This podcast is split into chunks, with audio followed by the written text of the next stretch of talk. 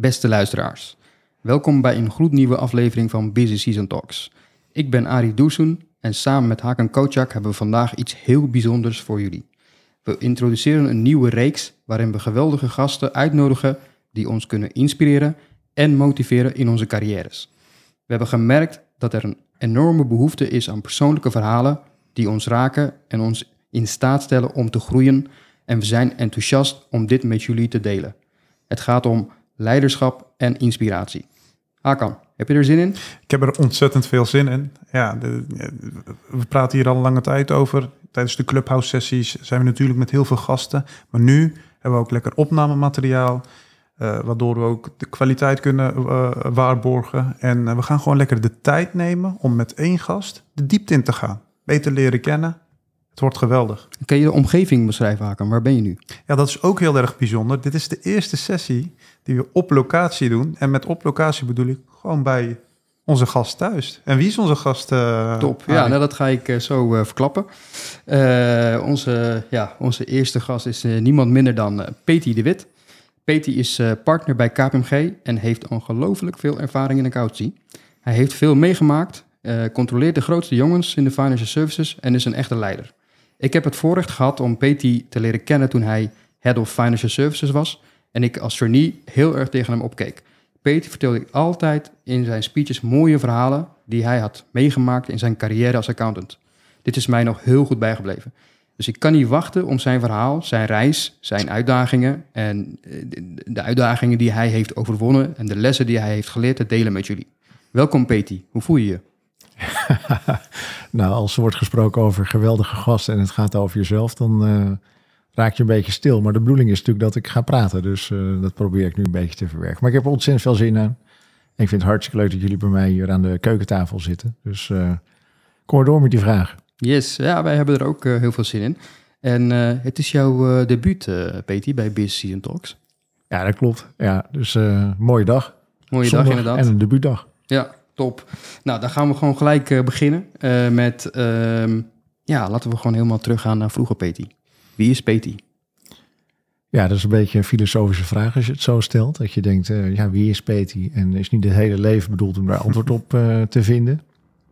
Maar ik denk dat als jij terug, zegt terug naar het begin... Dan nou, ga ik terug naar het begin. Dus in mijn paspoort staat dat ik ben geboren in Venhuizen. Dat is een heel klein dorp in West-Friesland. Daar waren mijn uh, ouders uh, allebei werkzaam op de plaatselijke basisschool. Dat was hun eerste baan. En uh, kwamen eigenlijk uit de buurt van Alkmaar. En ja, daar waren ze in dat dorp, in toch een beetje die plattelandsomgeving, veel bolleboeren. En nou, dan moesten ze zich een weg zien te vinden. En na een paar jaartjes, ja, toen kwam ook het eerste kind. En dat was ik. en later, twee jaar later, is mijn broer geboren. Ook toen we daar nog woonden. toen ik vier was, kreeg mijn vader een nieuwe baan in Alkmaar. Zijn mijn ouders verhuisd naar Alkmaar. Is mijn moeder daar ook weer gaan werken. Weer allebei in het uh, onderwijs. Uh, en daar is mijn zusje later geboren. Dus ja, als ik denk aan wie is Peti dan, en ik denk aan mijn jeugd, dan is het uh, een vader die werkte fulltime op de, ja, wat nu de PABO is. Dus de opleiding voor leraar in het basisonderwijs. Mijn moeder die bleef in het basisonderwijs werken, part-time. Uh, en ja, dan waren we met drie kinderen en ik was dan de oudste van die drie. En hoe voelde dat, Peti, om, om de oudste te zijn? Want ik weet dat Hakan de oudste is, ik ben de oudste. Hoe voelt dat? Ja, ik vond het altijd hartstikke leuk. Ik weet natuurlijk ook niet anders. Uh, maar uh, ja, wat, wat mijn jeugd, uh, als ik daaraan terugdenk, was, we woonden in een nieuwe buurt. Er was ook die nieuwe school waar mijn moeder ging werken. Uh, ja, er waren heel veel kinderen, heel veel uh, buitenspelen. Hield ik ook erg van. Uh, op school ja, was wel belangrijk om je best te doen. Want ja, ik zat ook op dezelfde school waar mijn moeder docent was. Dus wilde, ja, dan had je toch wel iets van, we moeten natuurlijk wel een beetje mijn best doen. en ja, daar was ik eigenlijk, ja, zo ben ik opgegroeid. Mijn ouders die, die vonden het belangrijk voor kinderen dat ze zich ontplooiden. Maar die hadden ook wel duidelijke grenzen. Ik wilde eigenlijk al heel vroeg op, uh, op voetbal, maar de club was te ver weg en langs een gevaarlijk kanaal. Dus mijn moeder zei, nee, moet je eerst acht zijn, voordat je daar zelfstandig naartoe mag fietsen. Nou, vond ik natuurlijk onzin, maar ja, het ging toch niet door. Dus uh, toen, daardoor was het voetballen voor mij veel op het veldje met vriendjes in de buurt. En in plaats daarvan ging ik andere dingen doen, waaronder judo. En, eh, maar ik was echt heel blij toen ik eindelijk op voetbal mocht. Ja. Mijn broertje die eh, vond, dat, eh, vond ook voetballen met mij wel leuk, maar hij verloor dan zo vaak. Dus die dacht al heel snel, ik moet wat anders. Dus die ging eh hockeyen. En zo was ons jeugd eigenlijk heel veel hockey en voetbal en voetbal en hockey. Ja. Eh, totdat mijn zusje kwam. Ja, en die was veel jonger. Die dacht, ja, dat hockey en het voetballen. Ik ga eigenlijk meer door op muziek. Dus ik speelde vroeger zelf viool. Mijn broer speelde piano, mijn zusje piano. En later ook zang. En eh, ja, die is uiteindelijk daar ook mee doorgegaan. Ja. En, eh, Heb je nog een leuke bijbaan gehad? Of misschien helemaal geen leuke bijbaan voordat je echt in de, de accountie bent ingerold? Ja, op de middelbare school eh, ben ik eigenlijk begonnen met een vriendje met, met muziek, platen mixen. En ja, waren we echt elke dag mee bezig naast het sporten. Ben ik, ja, hadden we zeg maar discotheek, gingen we op feestjes draaien, dat soort dingen doen. Vond ik echt superleuk. Later ben ik ook nog, eh, heb ik ook nog gewerkt, ja, zoals alle jongens deden in die buurt eh, bollen pellen en dingen op het land doen. En ik heb ook nog eh, voor een vriend van mijn ouders gewerkt in de bouw. Gingen we een kaasfabriek ombouwen. Kaasfabriek was natuurlijk Alkmaar. Kaasfabriek ombouwen tot een school. Dus ja, veel verschillende dingen gedaan. Maar waren in het algemeen dingen waar ik al vrij snel van dacht... ja, dit ga ik natuurlijk niet mijn hele leven doen. Ik moet wel wat anders gaan vinden. Wat ik ook deed, eh dat is misschien wel het bruggetje naar eh accountancy... was eh bijles geven de middelbare school. Met name wiskunde of natuurkunde. Ehm, en toen ging ik ook een vriendje van mijn broertje met wiskunde helpen. En zo kwam, en die woonde in Heilo. En die vader die kwam een keertje zijn zoon ophalen. Toen kregen we een beetje een praatje. En die man die was accountant. Dat was eigenlijk de eerste Mhm. keer dat ik erover hoorde. Eh, en ja, die zei, ja, ik kan ook naar de middelbare school meteen als accountant beginnen. Wist je dat? Nou, dat wist ik allemaal niet. Dus daar, toen heb ik er voor het eerst over nagedacht. Maar toen dacht ik, ja, nee, ik moet eerst eh, meer de wereld en mezelf terugkomen op je vraag wie is Peti Mhm. eh, ontdekken. Dus toen heb ik besloten, ik ga eerst eh, economie studeren in Amsterdam en dan zie ik daarna wel verder. Dus eh, toen heb ik eigenlijk dat accountancy even ja, meer in mijn achterhoofd gehouden. Mhm. Eh, maar dat was wel de eerste keer. En uiteindelijk is er dus ook eh, van gekomen. Ja. Cool. Ja, Peter, ik wil nog eh, inderdaad, we hebben een koppeling gemaakt aan naar de accountancy. En ik denk dat we ook zo meteen een bruggetje gaan maken naar eh, bijvoorbeeld eh, onder andere het verantwoordelijkheidsgevoel die je, eh, die je draagt binnen, binnen KPMG. de klanten die je controleert en de functies die je tot nu toe hebt gehad. Eh, maar ik wil toch even teruggaan naar vroeger als eh, oudere broer. Ah, ont- eh, ontwikkelde je toen al dat, dat gevoel, dat verantwoordelijkheidsgevoel eh, richting je, je broertje en je zusje? Ehm, nou, wat, ik eigenlijk, wat mij eigenlijk vooral bijstaat is, eh, als ik kijk naar de invloed van mijn ouders. Ja, die waren echt bevlogen van het onderwijs. Dus mijn vader was de oudste van een gezin van eh, vijf. En zijn ouders die hadden een, eh, ja, die waren in de horeca. En eigenlijk was het logisch dat hij ja, dat over zou nemen. Maar hij dacht al heel jong in de bediening in dat restaurant, nou, dit is echt helemaal niks voor mij. En hij wilde eigenlijk vooral ja, in het onderwijs gaan werken. Eh, nou, dat leidde niet meteen tot begrip bij zijn ouders. Ehm, maar hij is dat wel gaan doen. En zijn, ja, de volgende, nummer twee, zijn broer, die heeft het uiteindelijk overgenomen. Eh, en dat heeft mij beïnvloed op twee manieren. Eén is eh, ja, dat het heel mooi is om iets te vinden waar je echt voor wil gaan.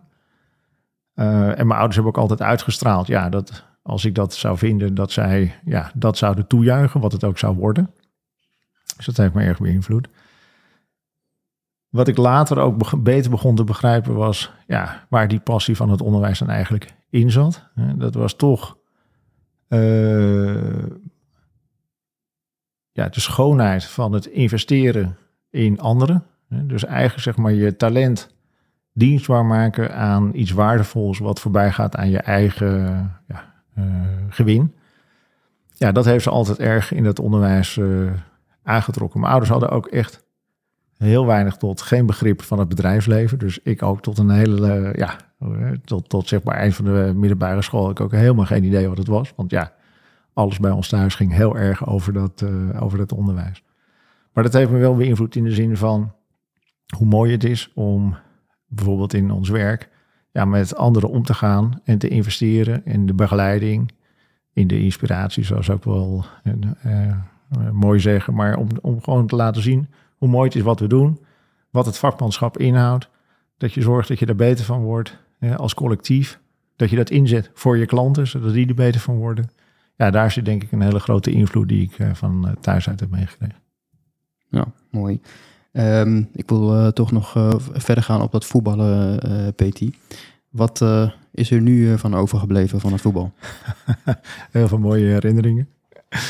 Nou, wat. kijk, ik, ik sliep al. ik heb foto's van dat ik een heel klein jongetje ben. dat er al een bal onder mijn kussen lag. Dus ik, ik heb altijd een fascinatie gehad voor de bal.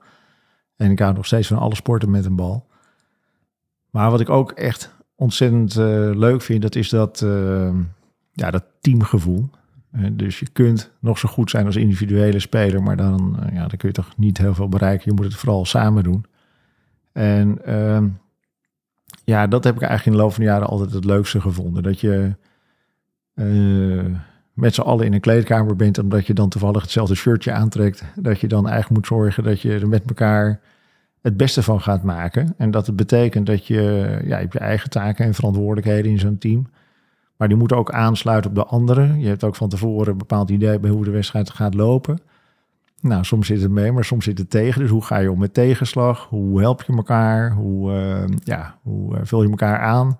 Hoe jut je elkaar op? Maar ook hoe kan je succes samen delen? En eh, ja, dat is eigenlijk iets wat ik uit die, ja, al die jaren eh, sporten heb overgehouden. Waar ik eh, nog steeds, eh, denk ik, ja, daar heb ik nog steeds heel veel lol aan om teams te bouwen. En in, in die teams, zeg maar, zo met elkaar om te gaan. Wat er ook mee samenhangt, is natuurlijk een zeker competitief aspect. Hè. Dus ik vind het echt leuk om te winnen. Ik heb ook een hekel aan verliezen. Eh, maar ik vind wel dat ik in de loop van de tijd aardig heb leren omgaan met eh, ja, dat je natuurlijk niet alleen maar kunt winnen. En dat soms de schoonheid van winnen ook samenhangt met dat je momenten hebt gehad dat je het niet hebt gewonnen. Dan geniet je er ook weer extra van. Maar in die zin denk ik wel dat ik een beetje competitief eh, mannetje ben geworden. Nou, mooi, Peti. Ehm, zijn, er, zijn er bepaalde ehm, ja, ehm, zaken zoals je hebt vroeger gevoetbald, je speelde een instrument, eh, die je ook ehm, ja, zo belangrijk vond dat je denkt van hé, hey, dit moet ik mijn kinderen ook meegeven. Nou, met name dat de teamsporten. Dus ik vond het eh, ja, echt eh, belangrijk dat mijn kinderen ja, ook ja, zouden ontdekken wie zij zijn als onderdeel van een groter geheel. Dus ze zijn, dus ik heb twee dochters en die zijn gaan hockeyen allebei. Eh, vond ik heel leuk om te zien hoe ze dat gingen doen. En later eh, ben ik ook eh, coach geworden van het team van mijn oudste dochter. Het was ja, ook ontzettend leuk om ja, dan eigenlijk aan de zijlijn toch te kijken van... hé, hey, hoe gaat dat dan? En, en hoe, hoe gaat mijn kind ook om met zichzelf ontdekken als onderdeel van het team? Dat vond ik erg leuk. Dus dat heb ik zeker eraan overgehouden. Ook het aspect van eh, doorgaan bij tegenslag. Eh, dus ja, ik vind het belangrijk dat eh, in deze ja, eh, wereld van nu, waarin veel, ja, hoe zeg dat, instant satisfaction is. zo van ik wil het en ik wil het nu en ik wil het meteen en ik kan het ook en meteen druk op mijn telefoon. Nou, dat, ja, daar, daar kijk ik met zorg naar. Juist dingen die ja, een langere tijdsinvestering vragen of die meer energie kosten voordat je er bent, leveren daarna een veel eh, ja, dieper gevoel van eh, voldoening op.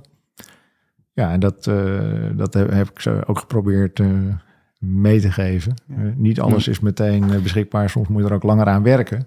En moet je eens kijken hoe je dan daarna van iets kunt eh, Ja, genieten. want hoe, hoe doe je dat zelf? Want in principe kan je... Ja, met een druk op de kop, je kan iets- iets kopen. Je kan een mooie dienst afnemen om jezelf te pleasen, whatsoever. En ja, hoe bewaar jij voor jezelf de rust? Van, om niet die instant gratification naar je toe te trekken. Om die toch die dopamine, dat een beetje, ja, daarvoor te waken. Ja, kijk, eh, natuurlijk is het af en toe ook eh, prettig. Maar het is. eh, ja, neem bijvoorbeeld balletje hoog houden. Mhm. Om het even terug te brengen naar het voetbal waar jij het over had. Ja, dat lukt niet meteen. moet je echt je best voor doen. Nou, je kunt ook eh, denken, nou, ik heb hem nu eh, zeven keer hoog gehouden. Daar vind ik al heel wat, ik stop ermee. Maar het is toch leuk om te kijken. Nou, als je nou even wat langer je best doet, kun je tot de 50 komen. Of kun je tot de 100 komen, of tot de 300. En daar heb ik zelf altijd lol in gehad. en dat heb ik ook mijn kinderen, ja, zeg maar op die manier een beetje spelende wijs meegegeven. Dat ja, als je dan nog even doorzet en je, en je ziet dan dat je toch verder kunt komen, dat daar eigenlijk zeg maar ja, iets moois in schuilt. Dus het is ook leuk om met ze te bespreken en te kijken van nou, waar zit er dan voor jou in. En uh, ja, dat, dat, dat, dat, uh, dat die investering in jezelf uiteindelijk meer, uh, ja, hoe zeg je dat, ook mm -hmm. voldoening in je eigen prestatie geeft. Dus je zegt eigenlijk doorzettingsvermogen, de gridfactor. Ja, ja, dan ben je bij mij aan het goede adres. Hè? Ja. Dus ja, ben ik zeker van onder de indruk. Ik kan iedereen het boek aanraden, dus The Great Factor. En dat gaat over het hebben van talent is één. En natuurlijk uh, moet je voor sommige dingen talent hebben. Als je 1,50 meter bent en je ambieert om de sterspeler van de NBA basketbal te worden, ja, dan is de kans dat dat lukt is niet zo groot, want je hebt een bepaald talent niet. Maar er zijn heel veel dingen waar je, als je een zeker talent hebt, ja, met doorzettingsvermogen, uh, heel veel kunt bereiken. En eigenlijk tonen alle studies aan dat doorzettingsvermogen ja, de meest bepalende factor is voor hoe ver je in dingen kunt komen. En daardoor ben ik ook zelf erg gaan houden van die dingen waar je ook wat langer uh, in moet volharden. Om uiteindelijk een zekere mate van, uh, ja, van meesterschap te bereiken. En dat ja. is denk ik ook een van de dingen die ik leuk vind in ons werk. Maak jij je daar zorgen over? Want als je kijkt nu gewoon om je heen kijkt, de maatschappij, er valt, je kan uit veel, vele dingen kiezen. Je kan het ook direct krijgen. Dus op het moment dat je ergens hard voor moet werken en het echt meester wil maken, ja, dat is, dat is vrij lastig. Want de, eh, de verleiding is groot om iets te laten vallen en iets anders te gaan doen. Ja, en de, weer, en de wereld draait snel door. Dus mensen denken ook van, nou, ik spring weer op de volgende, ik spring weer op de volgende. En dus ik denk uh, zeker dat als je naar ons uh, vakgebied kijkt, van de, ik zeg maar even, ik definieer het maar even voor nu als de accountant die zich uh, bezighoudt met jaarrekeningcontrole. Ja, dan heb je de eerste fase van uh, de opleiding doen en zorgen dat je de opleiding af hebt. En daar is een heel normaal moment, dat als je eenmaal uh, registeraccountant bent, dat je reflecteert op, ja, waar ben ik? Wat heb ik hier aan? En dan is het ook heel begrijpelijk dat, dat je denkt, hé, hey, wacht even, er zijn nog zoveel meer mogelijkheden dan in het accountantskantoor waar ik werk. Laat ik daar uh, naar kijken. En ik denk ook dat het voor heel veel mensen een goede keuze is en ook eentje waar weer een nieuwe bloeiperiode door kan ontstaan. Tegelijkertijd merk ik dat in de fase die daarna ontstaat, eigenlijk zeg maar zonder dat je nog die studiedruk hebt, je eigenlijk een veel meer natuurlijke fase hebt om dichter bij jezelf te zijn en te denken, ja, wat, wie ben ik nou in dat accountantsberoep en hoe, hoe vul ik dat nou in op een manier ja, die voor mij de juiste manier is. En daarin je doorontwikkelen en dan ook eigenlijk zeg maar die, ja, die, die doorzetting tonen. En dat is ook vaak de fase waarin je in, in de opdrachtteams uh, eigenlijk zeg maar nou, de rijkwijde hebt zeg maar, van de beginner die helemaal voor het eerst met je meegaat op een opdracht, mm -hmm. tot aan de eindverantwoordelijke voor de opdracht. Ja, je kunt eigenlijk het hele speelveld uh, uh, overzien, of in ieder geval in betrokken zijn. En ja, daar ontstaat dan weer een hele ja, intensieve leerfase. Niet alleen met dingen die meteen leuk zijn, maar eigenlijk in die fase ontdek je ja, nog eens meer hoe je al die balletjes in de lucht moet houden. Ja. En door dat een tijdje te doen, ga je ontdekken, hey, ik word er eigenlijk steeds effectiever in. En dan groei je ook weer naar de volgende fase door in die team. En hoe, hoe heb jij dus dat, dat destijds zelf ervaren? Want heel veel accountants rollen uiteindelijk op een of andere manier het beroep in. En zoals je zegt, op een gegeven moment ben je, bevind je in een rat race. Je moet studeren, je bent lekker bezig op je klanten. Je gaat van klant A naar B, et cetera. En dat rolt een aantal jaar door, maar op een gegeven moment ben je afgestudeerd. En dan kom je in een fase, maar waarom doe ik dit eigenlijk? En dan moet je op dat moment wellicht opnieuw uitvinden. Wat zijn mijn drijfveren? Waarom doe ik dit? Waarom zou ik dit blijven doen? En hoe moet ik me dan positioneren om dit een langere termijn te blijven doen? Omdat ik het zo wellicht geweldig vind of niet. Hoe, hoe heb jij dat destijds ervaren? Van ja, dit is echt na je eerste fase van je carrière. Ik wil hiermee doorgaan. Dit past bij me.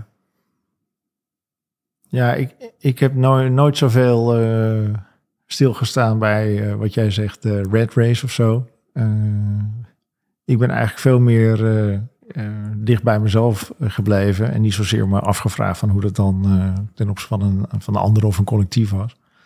Wat ik wel heb gedaan onderweg is ook eigenlijk in twee fasen veel minder auditwerk gedaan en eigenlijk veel meer advieswerk. dus wel binnen KNVG ook steeds meer voor de financiële sector. En waarom ben ik dan elke keer toch weer teruggedreven naar de audit? Ja, omdat ik er toch achterkwam dat het een. Ja, het heeft een hele bijzondere functie in onze nou, economisch bestel, in onze mm -hmm. maatschappij. Het heeft ook in de boardroomen heb je ja, toch een hele bijzondere plek. Ehm, en ik begon ook steeds meer te zien ja, dat bestuurders en commissarissen uh, ja, echt, ja, een, een van de commissarissen waarmee ik veel heb gewerkt, die zei, ja, uh, uiteindelijk, ja, de accountant, dat is toch een, een nobele professie. Mm -hmm. uh, dus dat is toch iets van een soort van, ja, sta, staat in een dusdanig, dusdanig betekenisvolle functie. Ja, dat is toch anders dan advies. Dat is eigenlijk meer, zei hij dan, schamperend, het goed maken van onze eigen tekortkomingen. Uh, nou, daar moeten we dan even wat hulp bij hebben. Hè, maar dat was dan toch van een andere allooi. En uh, ik heb ook ontzettend veel voldoening gehad. En, en ik doe nog steeds advieswerk waar ik veel voldoening uit haal. Maar ik begon wel, uh, ik heb wel in de loop van de jaren gemerkt dat dat minder diepgaand is dan, dan wat je in de audit kunt, kunt bereiken. En het heeft ook te maken met dat je in de accountsrelatie, ja, je zit langer met elkaar in de boot. Ja. Vijf jaar, zeven jaar, tien jaar afhankelijk van, of misschien zonder kantoorrelatie in delen van de praktijk, maar in mijn wereld van de financial services. Ja. Tien jaar als kantoor en als tekende partner vijf jaar. Dus ja, je bent vijf jaar ben je heel intensief met elkaar bezig. En als het een keertje tegen zit of mee zit, ja, dan moet je volgend kwartaal moet je weer met elkaar eh, verder. En als je je carrière analyseert vanaf het begin in al die fases, je hebt audit gedaan, deels advies en dan ben je weer teruggekeerd, et cetera. Heb je meer van het vak leren houden? Hoe, is, hoe heeft dat zich ontwikkeld? Zeker voor uh, de jonge luisteraars? Is accountancy een vak waar je meer van gaat houden? Of moet je er al van houden om er verder in, uh, om er verder te willen, in, in, te willen gaan? Ja, nou laat ik allereerst zeggen dat, er net, dat, dat ik hou echt van het vak. We hebben een hartstikke mooi beroep. Maar er zijn natuurlijk altijd dingen in wat, je, wat ook bij je vak hoort. En wat toch meer te maken heeft met corvée of dingen die mhm. je minder aanspreken. Dus het is niet zo dat ik hier als een soort blij ijs morgens de deur uitstuiter en alleen maar denk, oh, ik heb het mooiste vak op aarde en het bestaat alleen maar leuke dingen. Dat is het niet. Maar hoe ik er naar kijk is, het is een vak waar je uh, prachtige bijdrage kan geven aan vertrouwen. Vertrouwen in de cijfers, maar eigenlijk veel grotere opdrachten vertrouwen in de ondernemingen die je bedient. Dat je een rol hebt naar de stakeholders die je ziet, directie, commissarissen, medewerkers, de stakeholders die je niet ziet, bredere buitenwereld, financiers. Uh, en dat, uh, ja, dat is een hele unieke plek. Uh, dus dat vind ik hartstikke mooi. Dat, dat, wat, wat ik wel zie is dat we natuurlijk in de afgelopen, nou, ik ben begonnen, ik zeg altijd vorige eeuw, maar ik wil het tegen jullie wel mm -hmm. vertellen, dan blijft het onder ons 1995 dus er is toch een heleboel gebeurd. En zeker ook in de financiële sector is een heleboel gebeurd. Dus ik was in 2006 eh, ben ik verhuisd naar Australië. Daar woon ik een paar jaar. Voor KPG werkte ik dan voor onze financials daar. Ja, en toen was eigenlijk de Global Financial Crisis. En dat was toch een, eh, een fase om ja, heel erg te kijken van, hey, wat gebeurt er nou eigenlijk? Maar ik zat daar in Australië toch op een hele andere plek in de wereld. En daar ging eigenlijk de economie goed, want er was een, een bloeiende relatie met eh, China. Dus ik zat daar eigenlijk in een hele andere flow dan waar de wereld op dat moment in zat. Totdat het zo uh, pittig werd dat ik ook een belletje kreeg van, ja, kom eens van je eiland terug naar, naar Amsterdam. Um, En als je dan ook letterlijk en figuurlijk gewoon al je spullen weer oppakt om terug te komen naar, uh, naar Nederland, dan, dan denk je ook, ja, waarom doe ik dit? En ja, dat werd eigenlijk getriggerd vanuit toch zeg maar een collectief gevoel dat de financiële sector die had tekortgeschoten om ja, eigenlijk zeg maar dienstbaar te zijn aan de reële economie, aan de normale mensenwereld. En er was terecht heel veel frustratie en wantrouwen. Ja, en ja, dat raakte eigenlijk aan de kern van waar ons vak over gaat. Zorgen dat er vertrouwen is. Maar hoe kom je vanuit die ja, hele moeilijke situatie weer naar een fase waarin er meer vertrouwen kan zijn? En dat uh, heeft mij eigenlijk ook uh, geholpen om in te zien dat ja, het gaat over de betrouwbaarheid van de jaarrekening. Mm -hmm. Maar eigenlijk gaat het over het vertrouwen hè, in onder individuele ondernemingen, ondernemingen samen of sectoren. Ja, en dat je je opdracht dus in die zin ook uh, niet te klein moet invullen, maar eigenlijk ook moet zorgen dat dat grotere plaatje uh, klopt. En uh, dat, dat ben ik toen steeds meer gaan doen. En daarmee ja, krijg je ook een ja, echt nog veel grotere voldoening dan wanneer je alleen maar nou ja, post op post aftikt in je dossier. Ja, op zich is dat uh, wel, wel bijzonder wat je zegt, uh, Peti. Want uh, um, ik denk dat je vanuit, vanuit jouw rol, zeg maar, de klanten die jij bedient, veel kan betekenen, zeg maar, voor, voor dat vertrouwen in de, in de financiële sector. Vooral als je ook kijkt, zeg maar, dat er best wel, ja, ik heb het idee dat er heel weinig vertrouwen is in, in, in de politiek. En, maar we hebben wel te maken met grote problemen in de wereld, met de global warming en ja, allerlei andere problemen waar, waar we tegenaan lopen. En dat kunnen we toch wel realiseren middels die grote organisaties. En nou, jij controleert hele grote organisaties. Um, heeft dat een, een, een rol gespeeld in, in jouw keuze binnen, binnen KPMG om dat soort klanten te bedienen? Ja, dus eigenlijk eerst zat het in de, ik zeg maar even, in de starreveld complexiteit. Hè? Lekker abstract, je kan het niet vasthouden. Dat vond ik eigenlijk gewoon wel interessant. Hoe kan je daar dan nog ja, toch nog controleren. Dus daar is het een beetje mee begonnen. Ik was, wat ik al zei, uh, van huis uit had ik niet echt heel veel meegekregen over het bedrijfsleven. Ik had, was afgestudeerd in, uh, in accountancy en in, en in financiering. zo ben ik eigenlijk... ik had een afstudeerscriptie gedaan over... Nou, wat is nou eigenlijk het onderscheid tussen eigen vermogen en vreemd vermogen? Wat is nou eigenlijk echt? En wat betekent het? En toen ben ik uiteindelijk uh, bij KVMG tegen iemand aangelopen die zei, nou, dan moet je hier maar eens beginnen uh, in, in zeg maar een stuk van de financiële sector. Toen heb ik ook niet financiële klanten bediend, maar ik ben uiteindelijk toch vrij snel ja, door die complexiteit van de sector aangetrokken. En later eigenlijk voorbij die complexiteit meer naar die grotere vertrouwensvraag. Dus niet alleen hoe zorg je voor een goede jaarrekening die ook nog een beetje leesbaar blijft voor normale mensen. Dat is best een uitdaging. En zeker ook bij financials. Eh, maar hoe kom je voorbij dat punt eigenlijk in gesprek met je klanten, zodat ze ja, het goede doen en zich daar ook goed over verantwoorden. En eigenlijk ben ik in die fase ook steeds bewuster geworden van, je, uh, van, van hoe ik kijk naar een succesvolle accountant. Wat, wat, wat betekent dat dan? Uh, als je dat zou definiëren als van, goh, ik ben vijf jaar de accountant geweest van de NN-groep bijvoorbeeld. Is dan succes dat je vijf keer een betrouwbare jaarrekening hebt gecontroleerd, die ook zeg maar de toets der kritiek van de AFM kan doorstaan? Ja, dat zou ik toch een vrij schrale definitie van succes uh, vinden. Maar in die fase had je bijvoorbeeld de overname uh, of het samengaan van Deltaloid met Nationale Nederlanden, met NN Groep.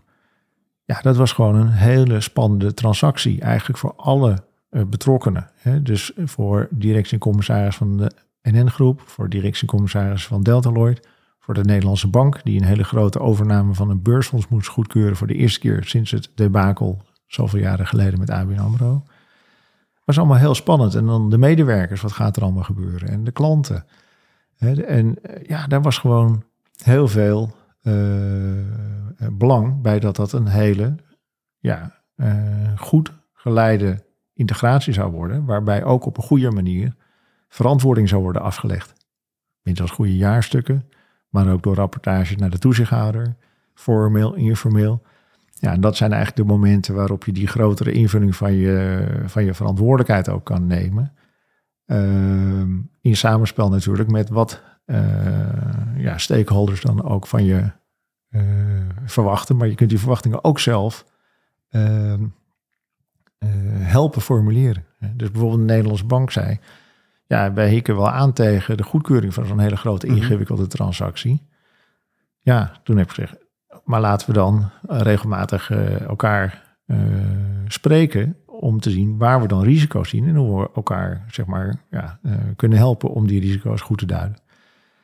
Ja, dus dat zijn eigenlijk dan voorbeelden waarbij je, denk ik, ja, met een heel team, want ik, doe ik het niet zelf, het is net als met dat voetbalteam, hè, je moet het met z'n allen doen.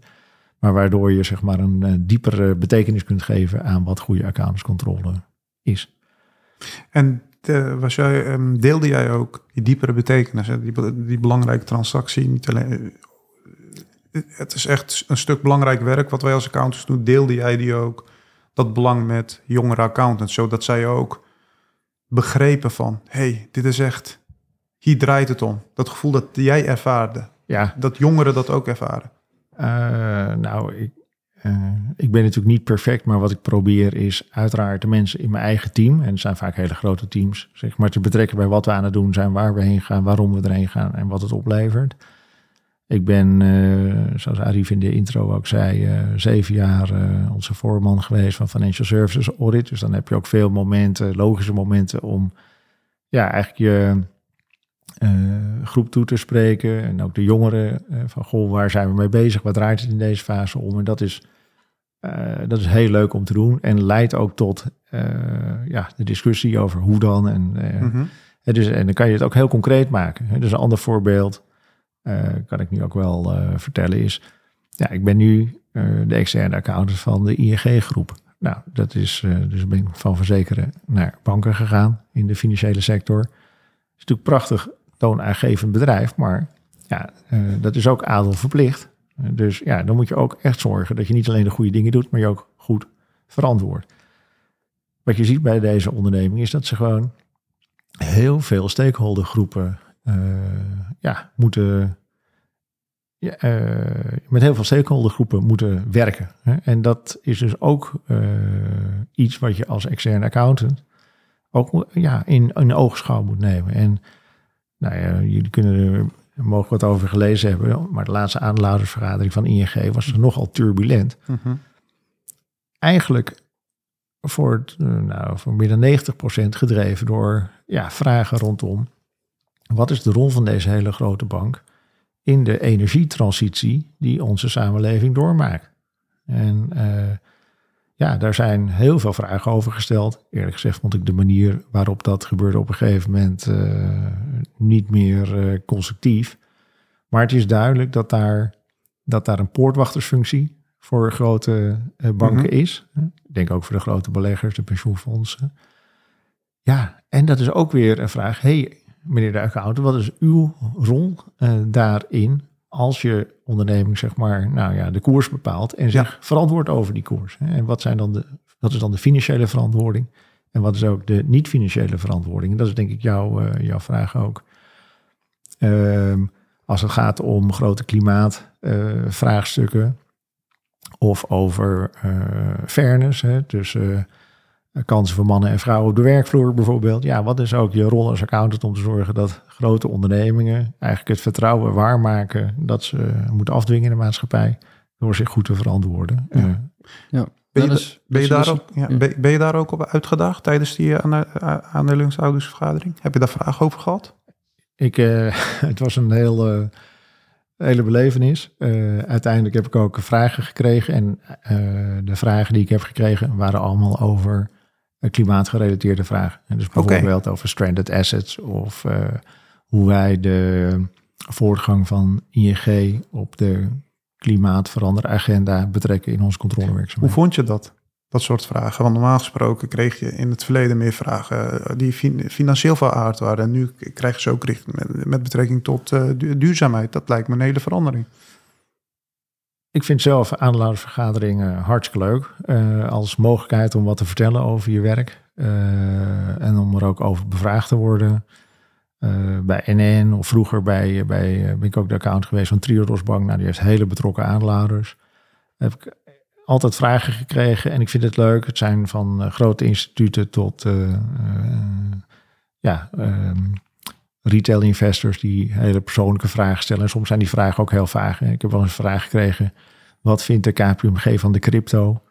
Uh, dan denk je, uh, maar als je dan zegt, goh, wat een leuke vraag. u bedoelt financiële innovatie, hoe betrekt u dat in de jaarrekeningcontrole? Dan zie je Mhm. iemand knikken en als je dan antwoord geeft, dan denkt de hele zaal, oh oké, dus de accountant denkt ook na over hoe de financiële wereld aan het veranderen is. Kortom, het zijn ook mogelijkheden om eigenlijk uit te stralen dat er een persoon, zeg maar, eh, ik noem het maar even de spokesperson van het hele auditteam. Er zitten mensen achter het werk, achter die ingewikkelde verklaringen die we afgeven. Maar door dan zeg maar in te gaan op die vragen en de manier waarop je dat doet, draagt ook bij aan dat vertrouwen dat wij eh, ja, met de blik naar voren controleren. En, en, hoe, en hoe, in hoeverre mm, hebben deze eh, vragen, de nieuwe soorten vragen rondom crypto's, rondom duurzaamheid, et cetera, ook invloed jouw denken? Hoe jij in de komende jaren wellicht eh, de jaarrekeningcontrole verder wilt ontwikkelen? Ja, de, eh, een van de mooiste dingen van onze eh, rol is in die veranderlijke wereld moeten wij natuurlijk mee veranderen. Mhm.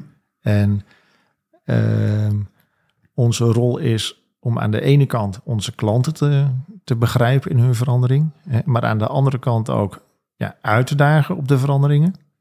En we hebben ook de verandering in ons eigen controleproces. Dus ja, hoe gaan we om met data? Wat kunnen we daar veel meer mee doen dan dat we vroeger konden doen? Of hoe, hoe eh, maken we ook gebruik van ja, bijvoorbeeld eh, de praktijkhandreiking die nu uitgekomen is voor soft controls. En hoe pakken we de zachte kant ook aan. Dat zijn denk ik heel veel dingen die, ja, die we met elkaar aan het ontdekken zijn. Die houden het ook leuk en vernieuwend. En geven ook de kans om eh, eigenlijk aan ja, de nieuwe generatie accountants ook te laten zien ja, hoe veelzijdig ons, eh, ons vak is. Kijk, het is ook belangrijk om aan te geven dat in mijn ogen audit quality twee eh, aspecten kent. Het eerste aspect is de compliance kant van audit quality. Mhm. En dus we hebben standaarden en die schrijven voor hoe een audit uitgevoerd moet worden. En natuurlijk moeten wij bevestigen dat we dat gedaan hebben en moet de buitenwereld daarvan op aankunnen. En is het ook goed dat daarop wordt toegezien, zowel binnen onze kantoren als door eh, de AFM. Maar als we dat als enige kwaliteit noemen, dan missen we echt de bigger picture. Audit quality moet beyond compliance vooral betekenen een audit uitvoeren die ja, je klant helpt verbeteren. Dat is de koers van de klant helpen verbeteren en de manier waarop er verantwoording over plaatsvindt. En daar kan je dus ook die nieuwe controletechnieken bij nodig hebben. Dat is een van de dingen die we hebben ontwikkeld bij KPMG, die ik hartstikke leuk vind om toe te passen. Dat is eigenlijk tooling die, die objectiveert wat is nou de tone of voice van een annual report. En we hebben allemaal wel eens een, een, een, eh, een jaarrapport gekregen van een klant waarbij je het eerste stuk van, eh, die, van de jaarstukken leest.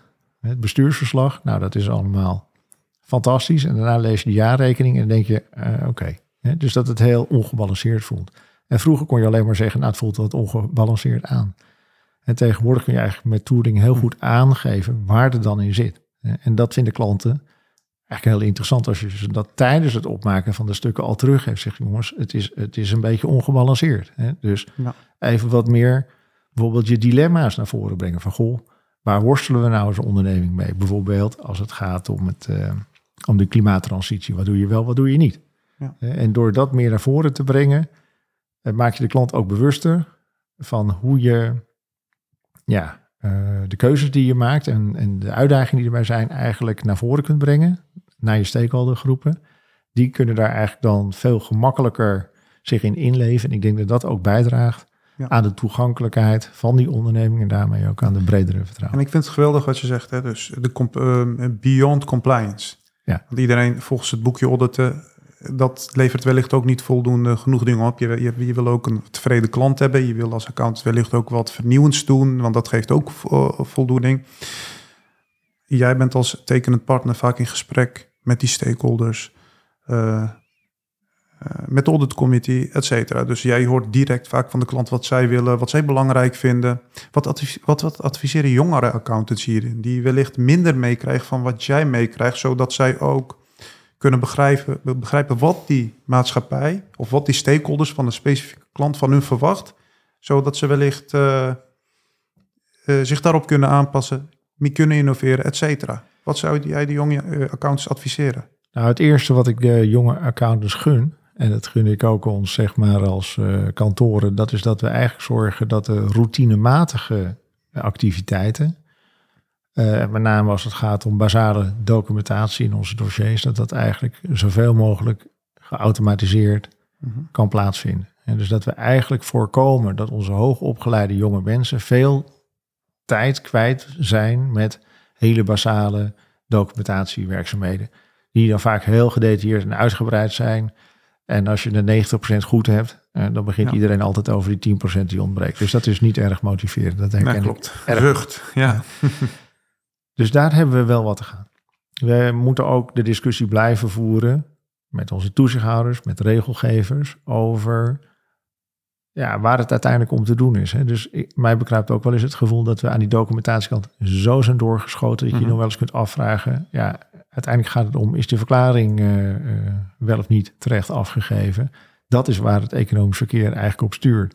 Uh, en dat dan die laatste komma, nou dan denk ik af en toe, zijn we niet te ver doorgeschoten. Maar dat is ook een soort pendule die we ook zelf over ons hebben afgeroepen, dat we in het verleden toch zeg maar te veel werden geassocieerd met tekortkomingen in de sector. Dus ik, ik begrijp het, maar de, de vraag uh, moeten we wel blijven stellen. De jongere mensen, die moeten wel een beetje, ja, uh, ik zeg wel eens, frustration tolerance opbouwen. Dus het is niet erg dat je iets moet uh, ondergaan van die documentatiediscipline en dat je ook begrijpt wat daar het belang van is en dat je daar een zekere kundigheid in opbouwt. Maar nogmaals, die moet snel worden aangevuld met dingen waar, waar je echt je ja, je intellectuele capaciteit uh, in kwijt kan. Hè. En dat kan zitten in het vernieuwen van de uitvoering van de audit met data. Dat kan zitten in het, in het uh, doordenken van, goh, wat betekent eigenlijk die oproep van de AFM om na te denken over connectivity. Hè, tussen wat je in de jaarrekening zelf zegt over ESG en hoe dat zich in het jaarverslag in het algemeen wordt gepresenteerd. Is dat wel in lijn? Is dat wel dezelfde onderneming? En daar, ja, daar zijn werelden te ontdekken op het gebied van klimaat, maar ook op het gebied van, uh, van social. Er zijn denk ik echt nog uh, heel veel nieuwe stukjes vakgebied door te ontwikkelen, waar we denk ik de jongeren ook bij nodig hebben. Ja, ja. Nee, ik vind, ik vind het echt heel inspirerend om, om naar je te luisteren, PT. Um, en um, nou, we hadden het ook over de aandeelaarsvergaderingen. Dat ging eigenlijk best wel, uh, uh, ja, daar ging het best wel makkelijk over, uh, over, over, over praten. Van alsof het zeg maar, alsof je zeg maar, voor zo'n grote groep makkelijk dat, dat, dat groep zeg maar te woord kan staan. Um, maar als we kijken naar mijn opleiding, wij zijn niet echt opgeleid in die, in die soft skills. we zijn heel erg gedrild met, met audit quality en meer compliance. Um, we merken zeg maar, dat we in onze opleiding dus daarin zijn uh, tekort gekomen. Uh, hoe, hoe bereid jij zo'n aandeelhoudersvergadering voor? Vind jij het zelf ook spannend? Heb je een bepaald ritueel die je doet voordat je zo'n uh, AVA opgaat? Nou, ik vond het zeker spannend. Vind het altijd spannend en de laatste keer bij ING extra spannend. Al was het maar omdat ze zeiden, ja, we weten niet precies wat we kunnen verwachten met betogers en dergelijke. Het zou fijn zijn als je drie uur van tevoren aanwezig kan zijn. En dan denk je al, uh, oké. Ik ben het met je eens dat uh, praten over ons vak uh, is net zo belangrijk als het goed uitvoeren van ons vak. En praten van ons vak zie ik eigenlijk in drie buckets. De eerste, eer, eerste bucket is eigenlijk praten uh, tussen ja, vakgenoten. Hè, dus dat is in je auditteam, dat is met andere teams, dat is uh, als je in werkgroepen zit van het NBA of wat er ook is aan, aan more industry-wide bodies. Is hartstikke belangrijk om met vakgenoten over je vak te praten. En dat kan ook helpen om het vak vooruit te brengen. Dus dat, is, dat vind ik heel belangrijk. Maar dat is natuurlijk toch een beetje ja, wij van WC1 praten met anderen van WC1 over hoe we WC1 nog beter kunnen maken. Dus uiteindelijk ligt mijn passie meer bij bucket 2 en 3. Bucket 2 is hoe praat je over je werk met je klant. En in de financiële sector is naast je klant ook een belangrijke stakeholder de toezichthouder. De Nederlandse bank, de Europese Centrale Bank. Ja, hoe ben je ook met hen in gesprek over wat je doet? En daar uh, ja, is het ook een mix van educatie, uitleg, begrip kweken, hè, maar ook ja, af en toe aanspreken. Soms natuurlijk ook streng zijn. Hè, tot, tot, uh, tot kan ook heel extreem zijn. Hè. Ik ben ook in het verleden accountant geweest bij SNS Reaal. Daar hadden we in een bepaalde fase ook een grote managementfraude. Ja, dat is uh, niet, uh, dat is heel heftig om mee te maken. Ook heel vormend. en dat, dan ben je natuurlijk eigenlijk ook meer ja, de politieagent in plaats van de vriendelijke accountant. De derde bucket van stakeholders is dan eigenlijk ja, voorbij de intimiteit van de muren van de onderneming en de toezichthouder, echt in het publieke domein. En daar, uh, daar zijn we tot nu toe gehouden aan geheimhouding. En dat betekent dat je eigenlijk vooral dan op een aandeelhoudersvergadering iets, iets kwijt kan. Nou, dat is in een, toch wel in een formeel jasje is die aandeelhoudersvergadering. Dus daar kun je ook maar zoveel zeggen. Je tijd is ook relatief uh, beperkt. En ja, ik ben er wel voorstander van dat we met elkaar de discussie aangaan of die, ja, wat de voor- en nadelen zijn van het hebben van die geheimhouding. We hebben denk ik traditioneel zijn we opgegroeid met, ja, dat is logisch dat je geheimhouding hebt. Eh, maar ja, er is ook wel wat voor te zeggen dat je eigenlijk toch vaker op momenten kunt, kunt reageren of je stem kunt laten horen wanneer er zeg maar aanleiding voor zijn bij ondernemingen. Dus ik vind het in ieder geval, dat is een voorbeeld waarvan ik denk, hé, hey, het beroep moet ook vooruitdenken en in ieder geval die vraag stellen. Misschien uh, concluderen dan wel, nee, we houden het bij wat we hebben. Uh, maar dat is wel iets wat, uh, waarvan ik zou zeggen, nou, laten we daar dan ook uh, vragen hoe onze stakeholders erop zouden reageren ja. als we daar de spelregels zouden aanpassen. Oké, okay, nou ik denk dat we richting de, richting de einde gaan, Hakan. Ik kijk ook even aan. Um, Peti, um, wat wil je nog meer met ons delen? Uh, en uh, vooral ook met, met het oog, maar, dat onze luisteraars uh, ja, net accountant zijn geworden. dus een RA-titel hebben behaald of aan het behalen zijn. Of dus ergens in de midden, midden, midden, middenmanagement zitten. Ja. Nou, ehm, als ik terugdenk aan die tijd, ehm, dan was er één ding wat ik me had voorgenomen, waar ik achteraf terug op kijk, dat ik denk, ja, dat, dat, dat, dat was verstandig. En dat was uh, durf nieuwe dingen te doen. Durf vragen te stellen. Durf te overleggen in je team. Van, goh, waarom doen we het op deze manier? We zouden het ook zo kunnen doen. En ja, als mensen dan zeggen, nou, uh, prima, Hakan, wat een goed idee, laten we het eens zo doen. Ja, doe het ook. dus dus in die zin ja, door je open te stellen voor nieuwe dingen en het ook uit te proberen, ja, daar groei je van als professional. Ik weet nog, in, uh, in 2005, toen was ik net partner geworden. En mijn grootste klant was toen uh, Fortis. En oh, wat was dat een grote klant. En dat ik heel veel gedaan met de komst van IFRS in 2005. Maar ik voelde mezelf steeds meer een soort Mr. Fortis worden binnen KVMG. Ik dacht, ja, dat is toch, als dat op je doodskist staat, dat is toch niet echt uh, ja, om, iets om trots op te zijn. Dus ik zei, nou, ik ga ermee stoppen. Nou, vonden heel veel mensen heel raar. En een jaar later zat ik voor KVMG in Australië. Uh, nou, ik kwam daaraan. Uh, vrouw, twee kinderen, drie koffers en een buggy. Aan de andere kant van de wereld om weer wat nieuws te gaan doen. En letterlijk uh, heel ver weg. -hmm. En weer jezelf opnieuw uh, ontdekken.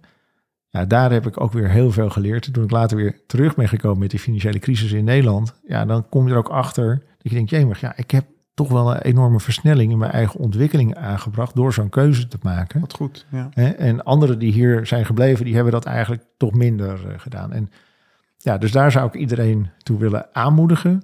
Uh, als je wel eens twijfelt over iets, zou ik het doen, zou ik het niet doen? Nou, doe het gewoon altijd wel. En dan kun je later hooguit spijt hebben van dat je iets hebt geprobeerd. Spijt hebben van dat je iets niet hebt geprobeerd is veel moeilijker. Uh, en durf gewoon nieuwe dingen te, uh, aan te grijpen. En ik denk ons vakgebied in de komende jaren gaat heel veel nieuwe dingen brengen. Dus wat dat betreft zitten jullie in een hele goede tijd om, om accountant te zijn. En dan hopelijk nog lang te blijven. Ja, nou, je hoort het Hakan. Dus zo'n ja. secondment dat uh, met drie kinderen of twee kinderen, uh, dat, uh, dat is geen, geen excuus. Geen excuus, ja. Nou, dankjewel Peter. Top. Ja, en daarmee komen we aan het einde van deze speciale aflevering van Leiderschap en Inspiratie met Peter de Wit.